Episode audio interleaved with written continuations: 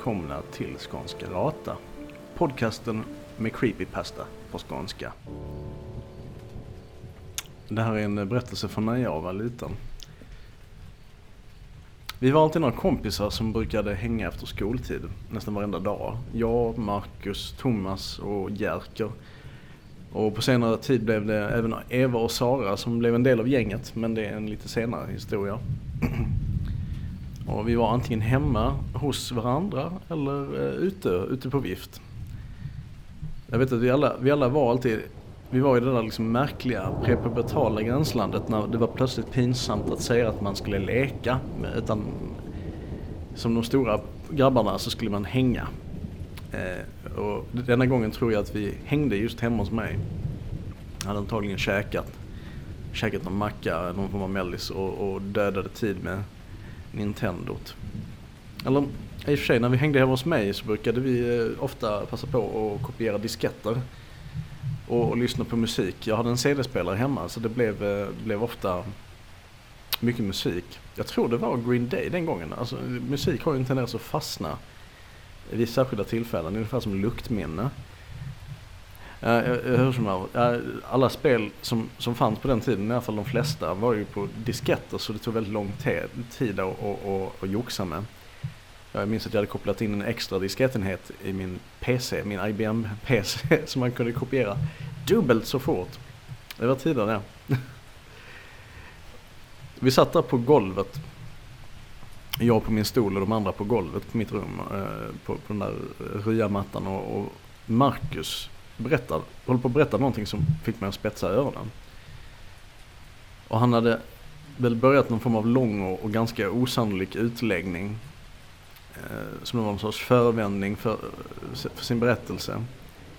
Och det hade börjat lägga sig en ganska märklig, liksom lite pinsam tystnad, kommer jag ihåg.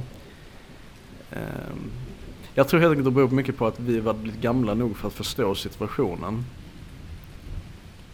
För Marcus alltså. Även fast jag tror att vi på, på kanske barns vis känt att saker inte riktigt stämde under en längre tid. Ehm, jag själv hade ett hum om att, om att Marcus spenderade ovanligt mycket tid utomhus. Ehm, men det var egentligen kanske först den stunden då på golvet eh, i, i, mitt rum, pojkrum, som alla bitarna liksom föll på plats. Att, att det var så liksom att när det blev för stökigt där hemma, vilket det blev nästan alltid, så gick Marcus ut med sin ryggsäck och sin Walkman och knallade och stökade runt och utforskade. Så man såg honom ofta så ute på, ute på grusvägen där mellan husen. Och ett av hans favoritställe det var en gammal lada som låg några kilometer bort. Bonden som eh, ägde marken där, eh, han använde inte den särskilt mycket. Det fanns lite hö där framförallt men, men, men det var väl liksom det enda. Det bästa med det stället var att det var lätt att ta sig in. Det var en lucka på kortsidan som gick att vicka upp ganska enkelt. Och det var enligt den här berättelsen som han la ut då en, en sen kväll när det hade börjat regna något förfärligt. Så han hade kilat in i ladan och, och klättrat upp till höskullen. Och ursäkten för att han var ute så sent var att han höll på med kvällsspaning. Vilket var en ganska märklig förevändning. Men vi hade liksom ingen, inte hjärta att säga emot honom på den punkten. Och han hade väl nickat till eh, uppe på skullen. Men sen vaknat till ett ljud av ett dovt motorsåg precis utanför ladan. Och plötsligt så hade den stora ladugårdsdörren dragits upp. Eh, I paniken som uppstår där så tänker han att ja, nu är det bonden som har kommit på mig. Eh, nu är det en utskällning. Han tar mig i örat och kör hem mig till, till mamma och pappa och, och sen blir det ett jävla liv där. Och istället så berättar Marcus då hur han liksom sett faran i vitögat och han hade bestämt sig. Han skulle gömma sig på taket tills bondlurken gett sig av igen. Genom någon sorts styrkeprövning från så pass ung grabb så hade han lyckats trycka upp en taklucka som nästan hade rostat igen. Och han kom upp på taket som var halt och jäkligt. Och där ålade han sig fram till kanten. Och nu börjar ju berättelsen ta en form av en överdriven äventyrston. Men, men jag berättar den som han berättar den.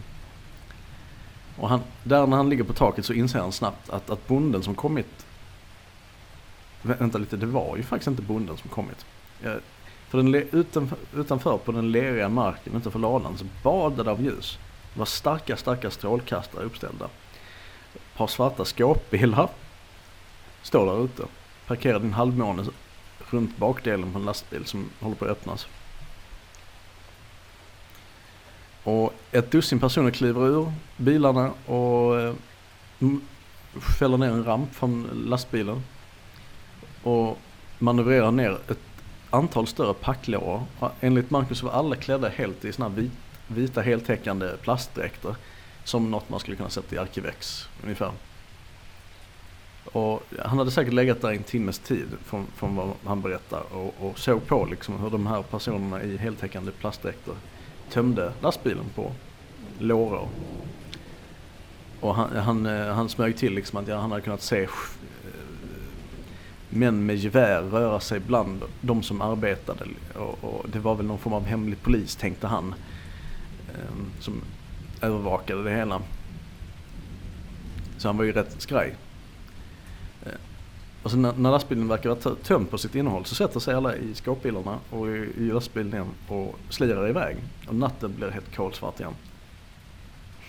Och det tog ytterligare säkert en halvtimme innan han till slut vågade sig ner och klättra in genom det öppna fönstret igen. Eh, och nere i ladan så var det bara packlårorna uppradade längs med väggarna som överhuvudtaget visade på att någonting hade hänt. Va?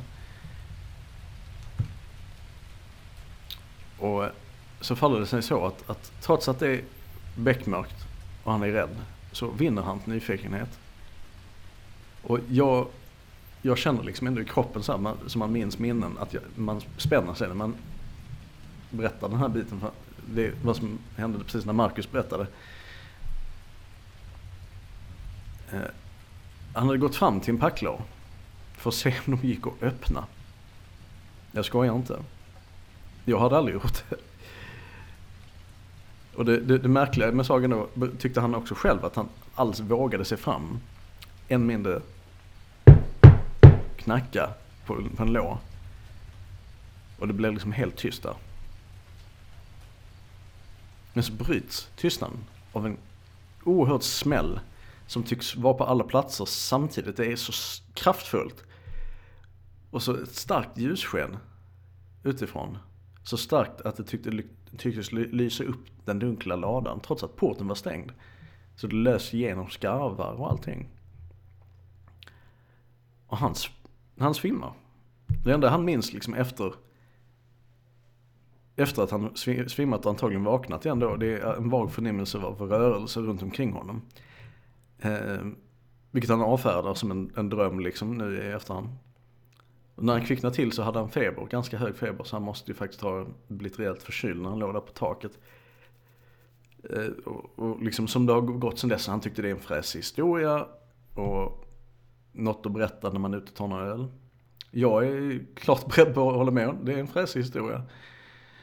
Eh, värt att sägas är att vi gick dit någon dag efteråt för att faktiskt kolla. Och i ladan var det tomt och, och det mesta öde. Inget tecken på några lår, inga ingenting i, i marken som tyder på att de här skåpbilarna har varit där. Men här är den, den springande punkten. Det, det, som liksom gör det hela lite för konstigt för min smak. Och att vi cyklar ju.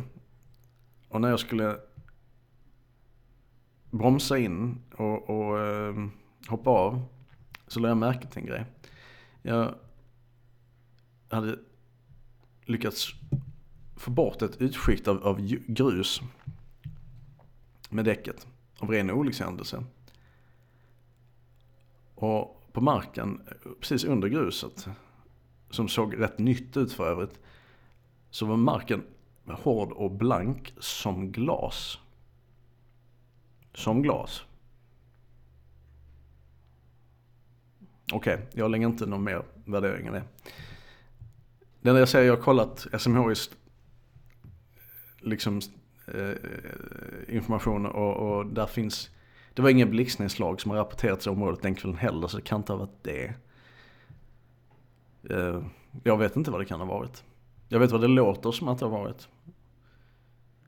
Och jag är lite nojig över att vi aldrig fick få reda på sanningen här. Men eh, stort tack till er för att ni har lyssnat. Och vi ses igen snart. Men nu berättelse. Tack och hej.